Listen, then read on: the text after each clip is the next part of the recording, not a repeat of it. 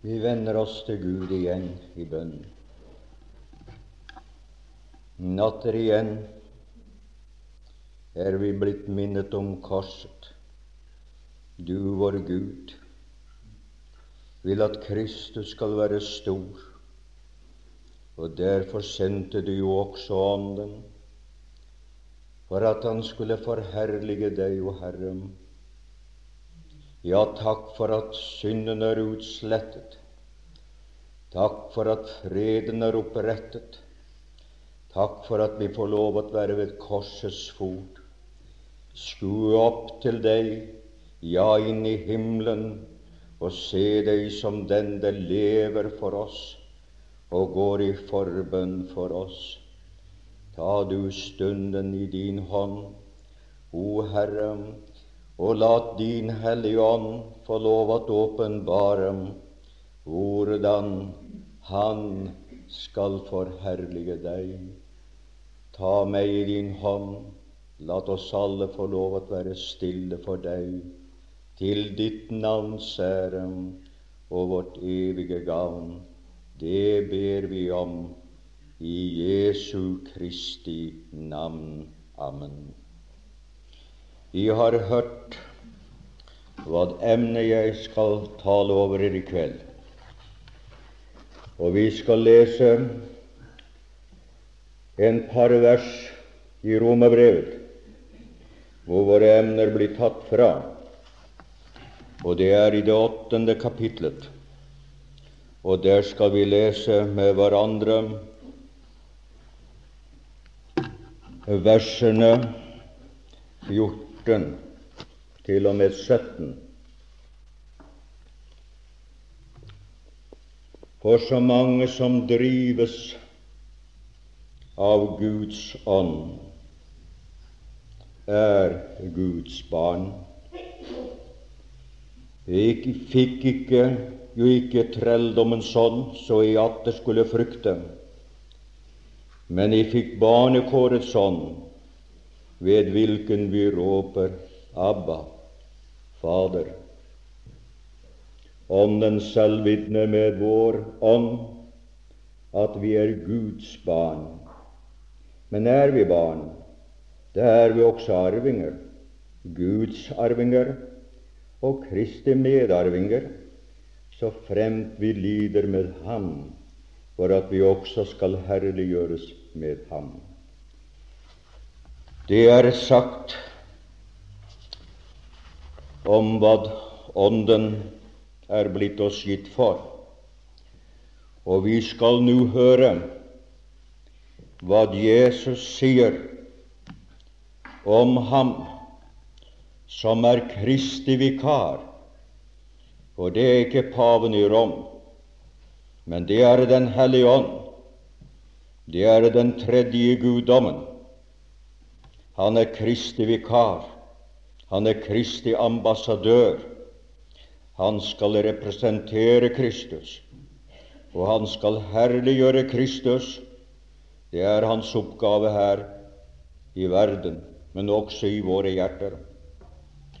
Og vi leser det da fra Jesu egen tale på øvre sal i det 16. kapittel noen vers der. Der er meget om Helligånden i disse kapitler som inneholder Jesu tale på øvre salen.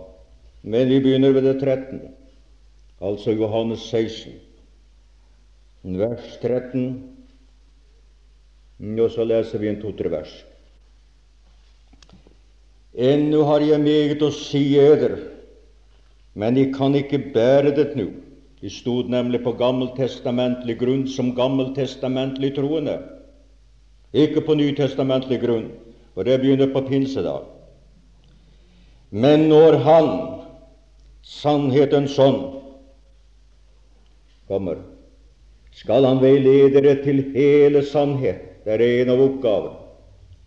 For han skal ikke tale av seg selv, men det som han har hørt, skal han tale og det tilkommende ting skal han forkynne. Skal han forkynne eder. Han skal herliggjøre meg, for han skal ta av mitt og forkynne eder. Alt det Faderen har, er mitt. Derfor sa jeg at han tar av mitt og forkynner eder. Denne hans virksomhet til åpenbarelse av Kristus er det jo det som vårt emne omhandler.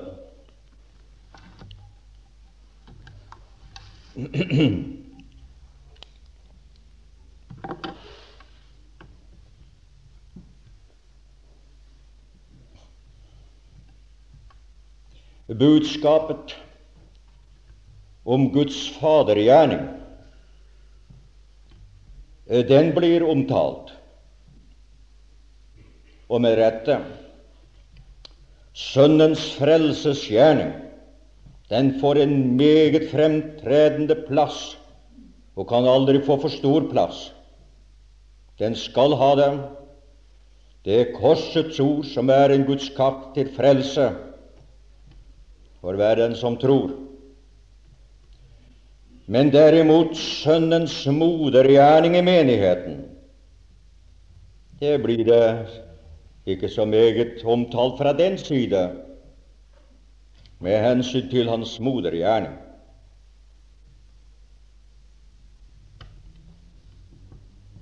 Guddommen som treenighet har fordelt den frelsende oppgave mellom seg på en trefoldig måte.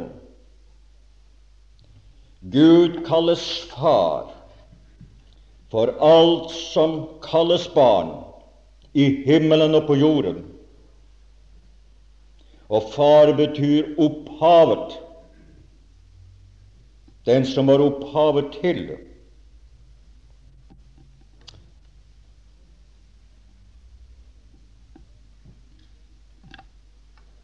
Derimot Sønnen har forrådt oppgaven, for Gud var i Kristus Jesus og forlikte verden med seg selv. Seg selv. Han har fått frelsesoppgaven. Men Helligåndens oppgave, det er som Kristi viskar og stedfortreder å være nærværende og utføre en gjerning i menigheten som på mangt og meget minner om en mors gjerning i et godt hjem. Og varetar Guds barns behover, hvor disse skal bli dekket ved det fullbrakte verk i Jesus Kristus. Guddommen har fått disse oppgaver, og de er viktige. Det er nemlig tre forskjellige sider. Det er tre forskjellige ulike sider vedrørende Helligåndens modergjerning. Nemlig det som står i forbindelse med barnas fødsel og med barnas oppdragelse og med barnas vekst. Han skapte dem ved gjenfødelse. Han modellerer dem ved oppdragelse, så de kan ligne Kristus, vokse opp til Han. Og han forskjønner dem ved beskuelse av Kristus. Det er hans oppgave, ikke en synlig oppgave, for han skjuler seg selv. Men han er til stede, for han bor i våre hjerter. Og når han får virke, så er det slik det går, at Kristus blir stor, og Kristus blir den dominerende for alt det som Gud har, har Han lagt i Sønnen. Og alt det Sønnen har, det vil Ånden åpenbare. Gud fra himmelen har plassert Kristus i sentrum, og Ånden vil gjerne at vi skal ha ham som den sentrale, om hvem vi samles, om hvem vår frelse både beror så vel som er virkeliggjør og fullendes. Det er tre sider vi skulle ha stanset ved i kveld, om at jeg kommer til å bli i stand til å dvele ved dem alle sammen. Det vet jeg ikke. Nemlig fødselen ved Ånden. Det skal vi merke oss. Det er nødvendig. Og det er derinnes oppdragelsen ved Ånden. Jeg tror neppe jeg får tid å dvele ved veksten formedels Åndens gjerning å bringe Kristus til oss, for det er derved vi vokser. Med hensyn til det første, Den hellige ånd og vår fødsel. Skriften lærer at den nye fødsel skjer ved Den hellige ånd. I Johannes det tredje kapittel og det sjette vers. Den som er født av kjød, er kjød. Var det Faderen som fødte deg? Nei, det var din mor. Å være født av kjød er født av en kvinne, for det er kvinnene som føder. Men her står det 'den som er født av ånd, er ånd'. Altså er fødselen er her Helligånden sammenlignet med en mor, en mors oppgave at bringe frem det mennesket som skal kalles Guds barn. Den som er født av kjød, er kjød. Moren var kjød, og de fødte ble kjød. Den som er født av Ånden, han var ånd, og de skal være ånd. De er våre ny skapning i Kristus Jesus. Slik som en mor føder et barn, så er Helligånden likeledes denne moderoppgave at bringe til verden, at bringe synlig. For å føde, det er å bringe til syne at bringe til syne et nytt liv, en ny stat, en ny tilværelse. Og slik er det Helligåndens oppgave at bringe dette som har virkelig gjort slik at vi blir gjenfødt i kraft av Jesu Kristi oppstandelse fra det døde. For oppstandelsen i Kristi oppstandelse er grunnlaget for vår gjenfødelse. Og gjenfødelsen er en opplevelse som hører den nye pakt til fra pinsedager, og ikke var på den gamle pakt. Og jeg gjentar det de sa i går, at professoren, den teologiske professoren Nikodemus, som skulle kunne, for å være en skriftler, skulle kunne Mosebokebøkene utenat og salmene utenat, har ikke det minste kjennskap og begrep om når Jesus sa at de må fødes på ny. Jesus talte ikke med om, om en ny fødsel med en fisker som Peter eller Jakob, men han talte med en professor om det. Og han har ikke kjennskap. Det er nytestamentlig, både forkynnelse så vel som nytestamentlig opplevelse. Det var profet, profetert at det skulle bli en gjenfødelse i den kommende, altså i rikets tid, men ikke i lovens tid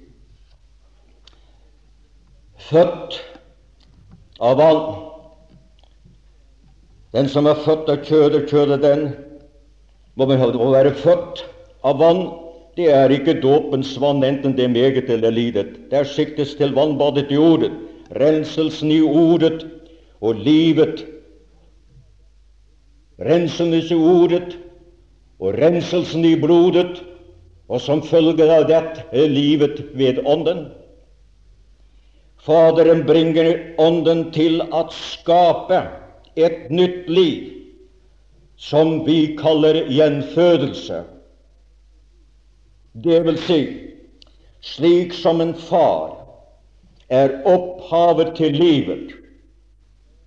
Det er ikke kvinnen som er opphavet til livet. Det er mannens sæd som har livet. Således har benytter Gud den tredje guddommen som en livets kilde for å skape et nytt. Slik var det at Jesus ble unnfanget ved Den hellige ånd. Han var livskilden der, eller livskimen. Og derfor er det at ethvert menneske, deres blod, er ikke morens blod, det er farens blod. Vi som er her, har alle vår fars blod, men ikke vår mors blod, med mindre at moren har samme blodtype som faren. Og Derfor er det at Jesu Kristi, Guds Sønns blod, var guddommelig blod. Det var ikke syndig blod. Og derfor er det at hans blod kan rense fra all synd. For Adams blod kunne ikke gjøre det. det vi mennesket lider av blodforgiftning nemlig en arvesynden i blodet. Jesu blod var usmittet, det var guddommelig, skjenket og gjort menneskelig ved denne guddommelige fødselen. Vi skal se hva det står når det skjer når vi tar imot. Vi er nemlig en medvirkende. Vi må gi vår sanksjon til at vi blir gjenfødt. Det er ikke ting som noen kan dytte på oss. Det er ting som vi selv vi kan si nei til det. Hør hva det står i Johannes evangelium, det første kapittel, det tolvte og det trette var. Men alle dem som tok imot ham Å ta imot Jesus, det er en bevisst handling å ta imot. Dem, alene dem, dem, sier Den hellige ånd her i Skriften, dem ga han rett til å bli Guds barn. På hva måte?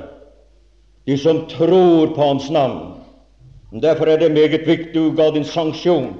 Og i det du sanksjonerte dette at det fullbrakte verk, og trodde du var en fortapt synder Du kunne ikke, du var fortapt for evig uten at du fikk en frelser. Så ga du denne sanksjon. Du ville bli frelst, ta imot Jesus.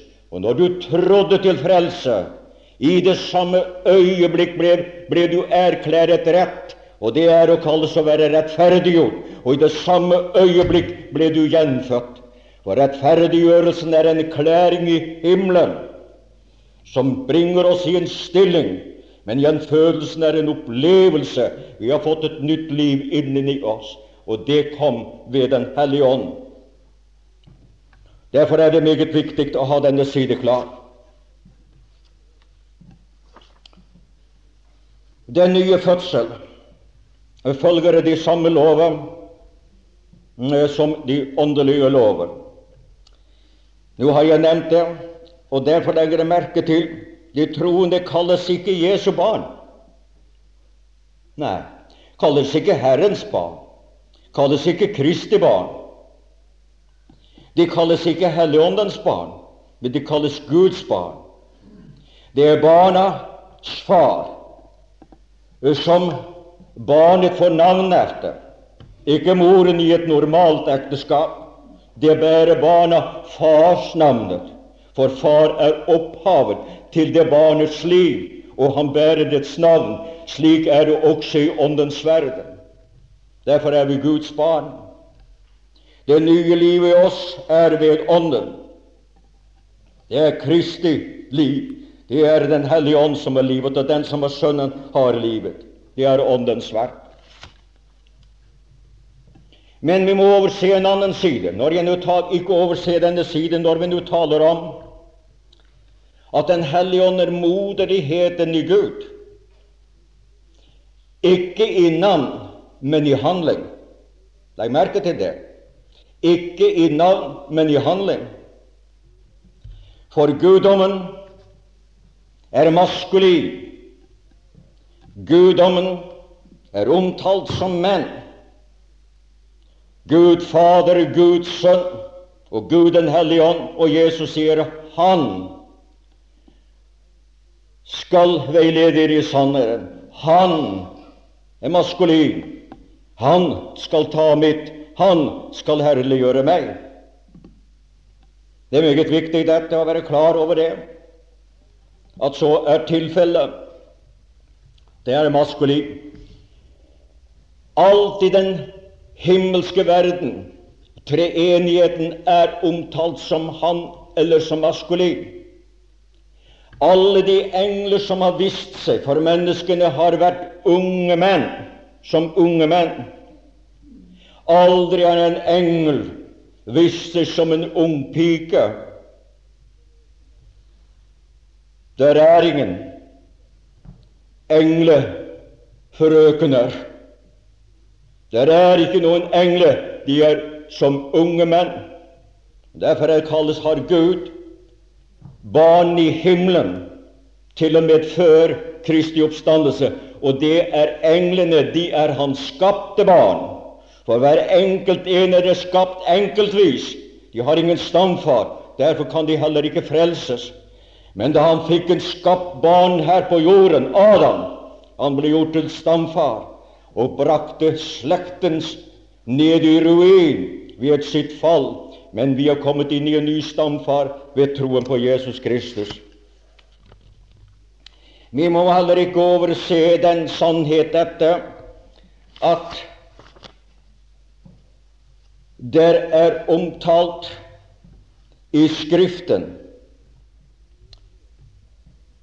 to steder at menigheten er moderlighet. At menigheten er moder. Vi skal se litt på det. Hvordan det er det da en selvmotsigelse? Nei, det er det. Vi må ikke overse dette. Det er nemlig en sagt om den triumferende menighet at den er mor.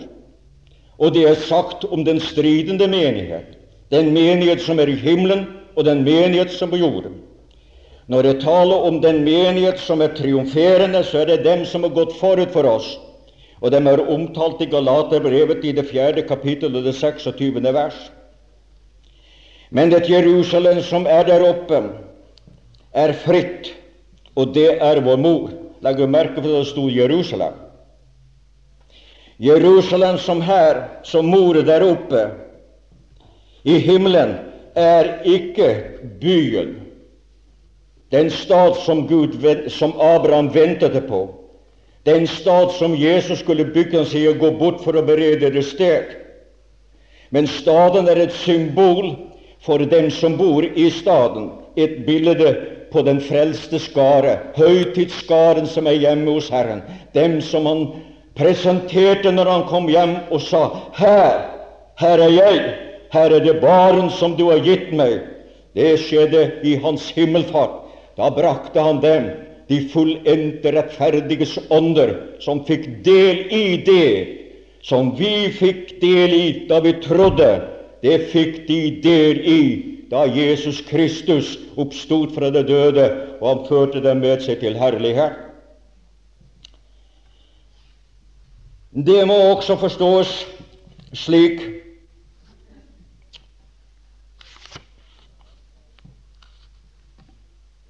at likedan som at Jerusalem her er omtalt som en mor, så er det også omtalt Israel med et billedspråk. Her er Jerusalem, skal vi lese i Galaterbrevet til 4. kapittel, det 25. vers. Jeg må ha nokså meget om dette, for, for det er ikke alltid så klart. Vi leser det. For Hagar er berget i Sinai det er jo givet at det er ikke en bokstavelig for bjerg kan ikke være Hagar, og Hagar kan ikke være et bjerg. Det er et billedlig språk. Er Sinai i Arabien, som svarer til det Jerusalem som nå er. Der har du en kvinne, der har du et fjell, der har du en by. Og hver enkelt av disse tre representerer et symbol som står for et folk. Og hvilket folk? Israels folk. Jerusalem som nå er Ja, jeg skal lese det. Sina i Arabien, og svarer til det Jerusalem som nå er, for det er i trelldom med sine barn inntil nå. Så likedan som at Sinai, det jordiske Jerusalem, og eh, Hagar og Sinai-bjerget var et bilde på folket, så er også det himmelske Jerusalem, som kalles vår mor, det er de frelste som har vært medvirkende til å oppdrage og fostre ved Den hellige ånds kraft. Og nå er de hjemme, men den stridende menighet er på jorden. Den, så har vi den stridende menighet på jorden som er omtalt som en moder. Og det finner vi i Galaterbrevet til fjerde kapittel og det 27. vers. Det første nå jeg leste, var i det 25.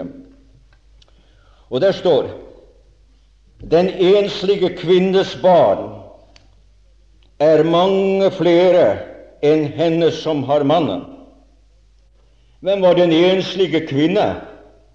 Ja, det var Sara. Og hvem var mannen? Det var Abraham. Men nå kalles vi at, at Abraham er det troendes far. Han er, det vil si, opphavet til dette å tro til rettferdiggjørelse. Det ble regnet ham til rettferdighet. Opphavet der er nevnt slik i Skriften at han er det. Er det da dette her noen selvmotsigelse? At Ånden utfører en modergjerning, og at menigheten er omtalt som en, en, en mor der er kommet hjem, og en mor der fremdeles er her nede og, og, og har passet og har flere barn. Det sikter til Sara sikter det der til menigheten, som føder barn ved Den hellige ånd, eller med andre ord at Den hellige ånd føder, og hun er med å fostre dem. For ånden er i det skjulte, men de frelste er i det synlige. Er nå det dette selvmotsigende? Nei, det er det ikke. Det er skjønt harmonisk. Ingen sann menighet uten at de er født av Ånden. Den som er født av kjød, er kjød, og den som er født av ånd, er ånd. Og intet modersinn i menigheten uten som at dere er skapt av Den hellige ånd. Det er Den hellige ånd som må skape dette modersinn, slik at vi ser til Kristus, slik at vi er opptatt med Ham, og slik at Han blir stor for våre hjerter. Det skal skapes. En moder i Israel ble det talt om i den gamle pakt. Det trenges menn og kvinner med et fadersinn overfor de nyfødte i en menighet. Det trenges menn, kvinner med et modersinn som kan ta seg av de som er frelst, nyfrelste, som spedbarn i Kristus. Dette skjer ved Den hellige ånd. Så således arbeider Den hellige ånd med en modergjerning for å skape modersinnet i menighet, for å virke dette som Gud vil, slik at Kristi vikargjerne, Åndens vikargjerning, blir forherligelse av Kristus i det troende. Ingen kjærlighet uten som den blir utøst ved Den hellige ånd. Intet klarsyn uten som vi får det ved Den hellige ånd. Dette var altså den første side med hensyn til fødselen. Det kan godt hende det var lite, men i kveld får jeg, får jeg være smørje tålmodighet, for, eh, for eh, ja, nå skal jeg tale om oppdragelsen. Nå skal jeg tale om den side, men nå har jeg klarlagt hvorledes de to sider, den frelste som har nådd frem, som er der oppe, betraktes som en mor, de som er her nede, og hvordan Hellig Ånden gjennom den virkelig gjør det som en mor skulle gjøre i et godt hjem. Det bringer oss da til den andre siden, nemlig Helligånden og vår åndelige oppdragelse.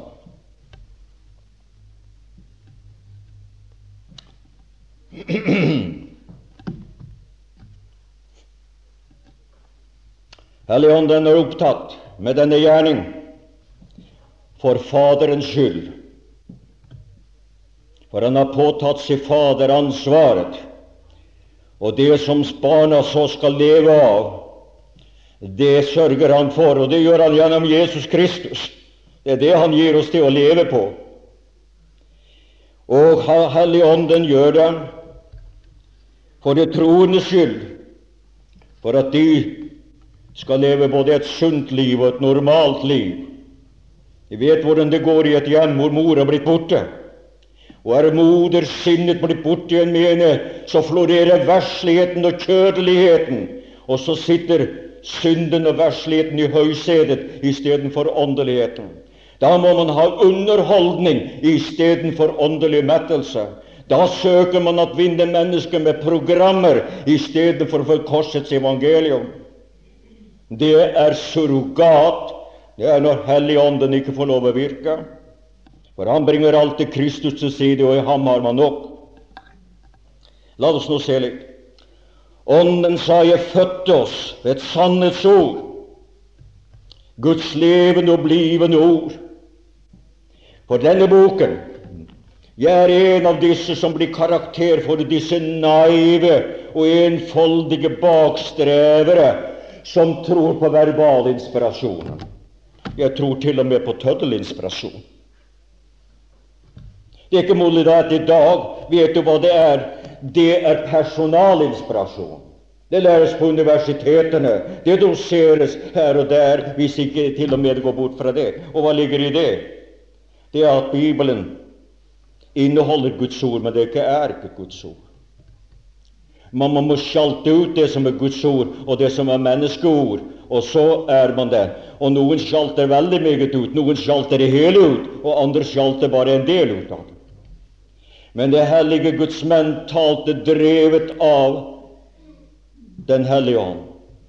Og den hele Skrift er innåndet eller inspirert. Ikke en del av den, men den hele Skrift er innbrest av Den hellige ånd. Og den er nyttig, og så kan det være hva den, hva den virker.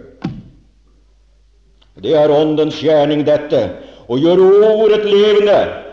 Vi skal ikke sjalte det ut, vi skal ta imot det. Der er veiledning. Og der er alt som du og jeg trenger for liv og salighet. Det kan du være helt sikker på er tilfellet. Ånden ammer oss med det guddommelige ved sitt guddommelige moderbryst, men det blir ikke sett. Men det kalles Åndens husvalelse og blir lagt inn til barmen slik at man føler dette. Nå er Gud til stede. Nå er Kristus blitt stor for oss. Da blir sjelen ammet og styrket og vederkveget.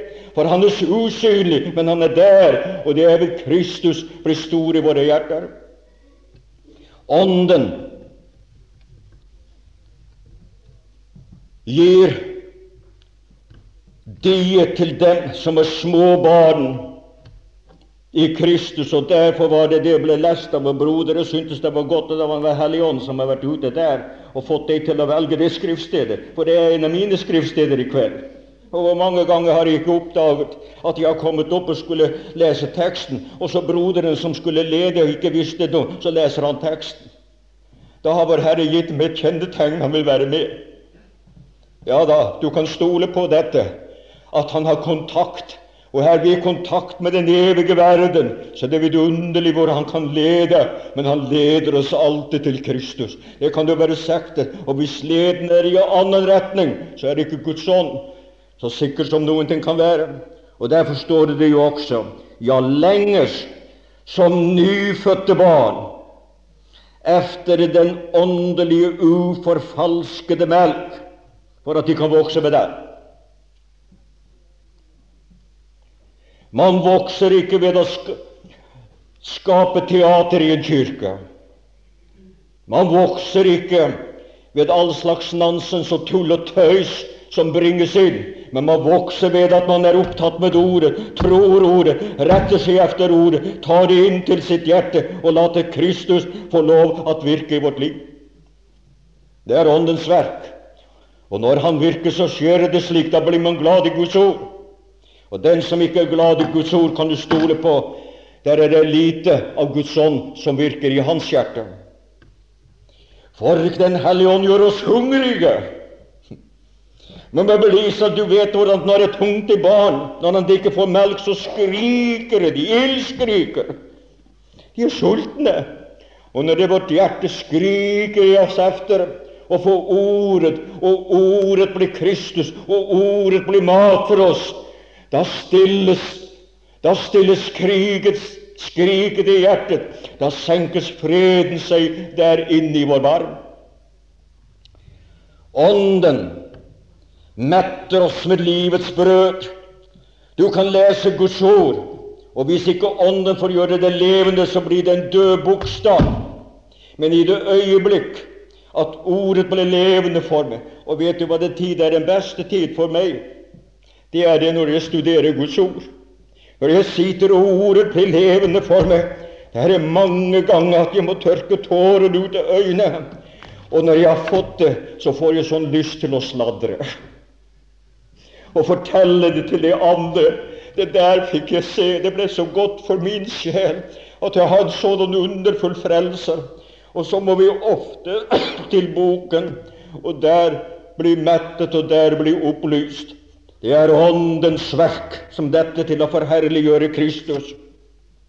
Da gir Han oss dem som livets brød, Han som er himmelbrødet, og Han som er engleføde. For Han er himmelens mettelse, og det som er godt, det beste i himmelen, skulle vel være godt for oss her nede på jorden, skulle jeg vel tro. Ja da, sådan er hans gjerning.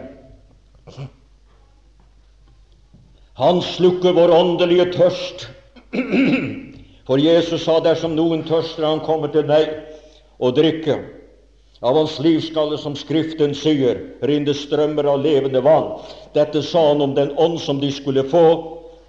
For ånden var ennå ikke gitt, for Kristus var ennå ikke herliggjort. altså kaller Jesus Kristus ånden det levende vann. Men det levende vann er jo et substans. Det er jo en virkelighet. Og således er det Åndens hele innstilling og Åndens hele fylde.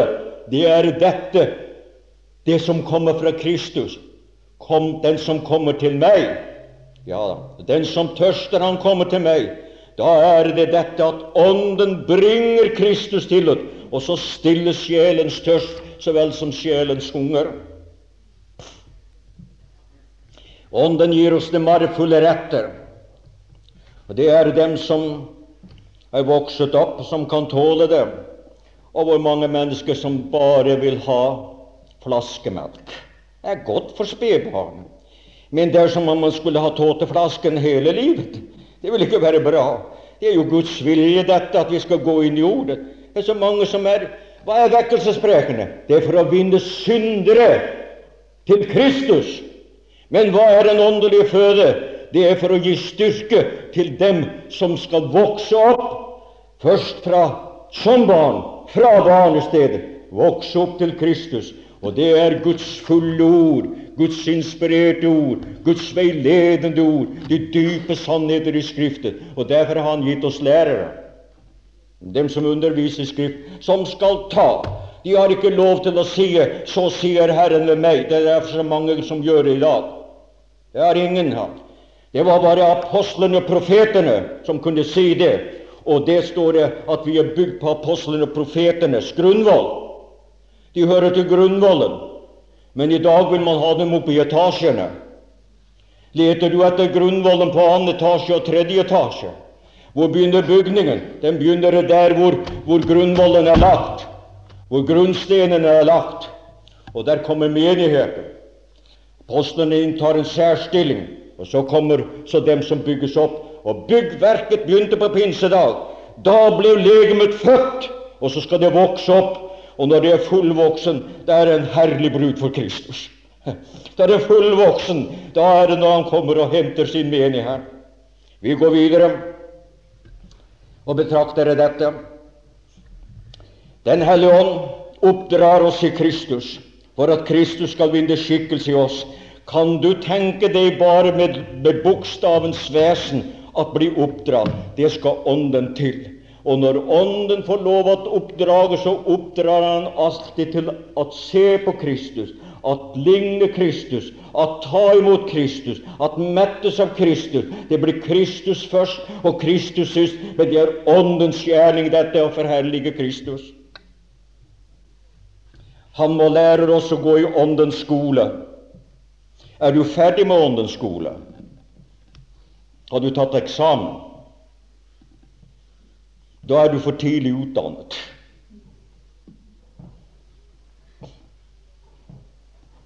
For, for Åndens skole varer hele livet. Hvordan vet jeg det? Kristus omtales som sønn, men vi omtales som barn, og det er barna som går på skole. Og du får ikke ditt eksamensbevis før ved Kristi domstol. Da er vi myndige. Her er vi myndige overfor verden, men gjør umyndige i den forstand at vi får alt som barn. Vi lever i barnekårets stadium og i barnekårets privilegier. Men når vi blir, har fått våre lønn, og når vi er, skal være Kristi brud og regjere med ham i riket, se, da er det oppgavene blir gitt oss. For da har vi fått lønn. Av nåde er vi frelst, men lønn er også nådelønn. Men det er etter fortjeneste. Kristi domstol er en korrigerende domstol. Nå, ja, vi må få videre. Jeg er begynt å bli trett. Jeg vil jo høre litt mer om hva Helligånden gjør. Nå har jeg bare ett møte igjen. Jeg tror jeg får fôret det riktig godt i kveld. For det er meget viktig med dette å ha klarhet om det. At dette er, det er ikke, du forstår, det er ikke Ånden gjør herlig her, men det er Ånden som herliggjør Kristus. Det er hans oppgave, dette. Og nå skal jeg nevne litt mer om det. I Åndens skole går vi hele liv. Der lærer vi Kristi dyder.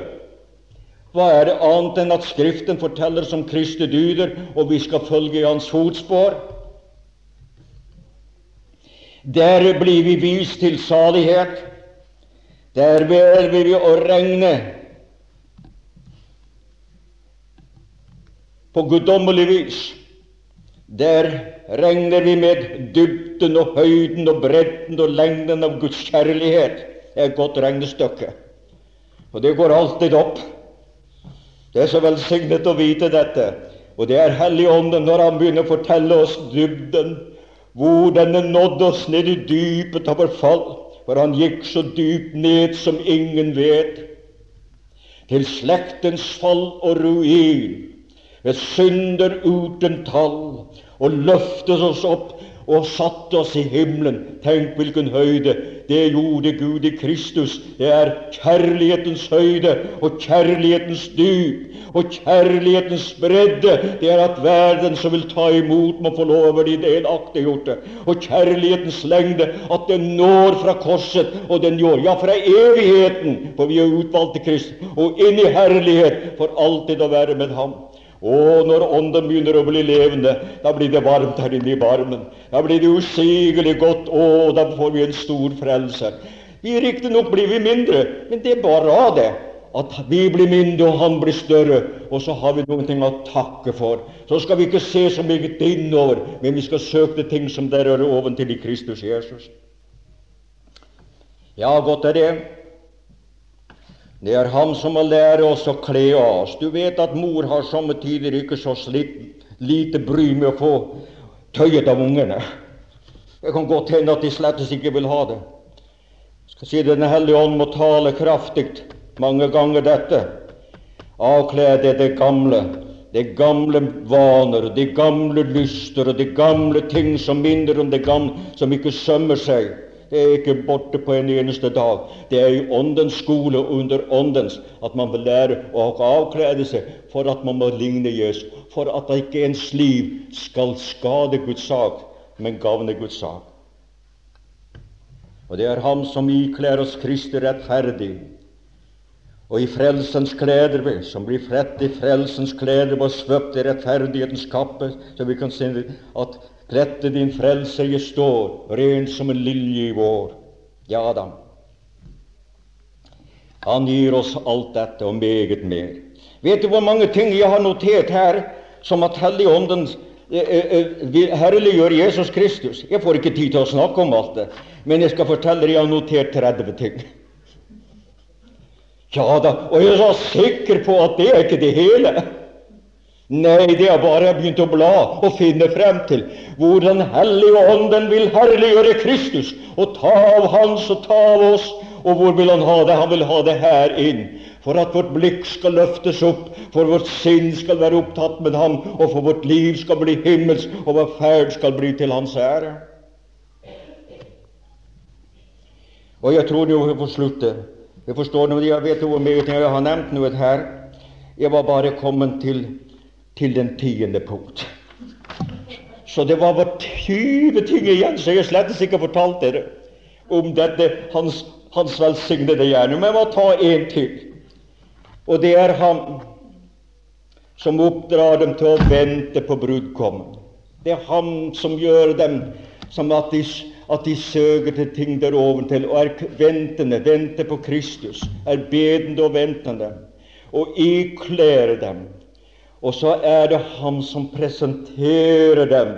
Når vi blir bortrykket, så er det Åndens liv som bringer oss opp vi blir rykket opp. Den himmelske magneten som kommer fra himmelen, han kommer i skyen og har sin lønn med seg. Og vi blir rykket opp for jorden, og Den hellige ånd følger med. For han har vi i hjertet, og han forlater ikke det. Og Kristus, og derfor enes de. Og så samles barneflokken, Den hellige ånd og Kristus hjemme i Faderhuset og begynner bryllupet, og så fortsetter, og så har vi den store trengsel som begynner. Men dermed slutter ikke Den hellige ånds verk på jorden. Det kan være det. Ja, mine venner, nå har jeg bare forsøkt å ville påpeke dette. Den hellige ånds, Men Den hellige ånd skal ikke forherliges. Og jeg håper ingen har fått en forståelse at det er Helligånden forherliger. Han skjuler seg selv. Vi skal ikke be til Den hellige ånd, for det er Den hellige ånd som skaper tilbedelse. Det er Den hellige ånd som ber i oss. Vi skal be til Gud i Jesu navn, til Faderen i Jesu navn, og det skal Helligånden bevirke.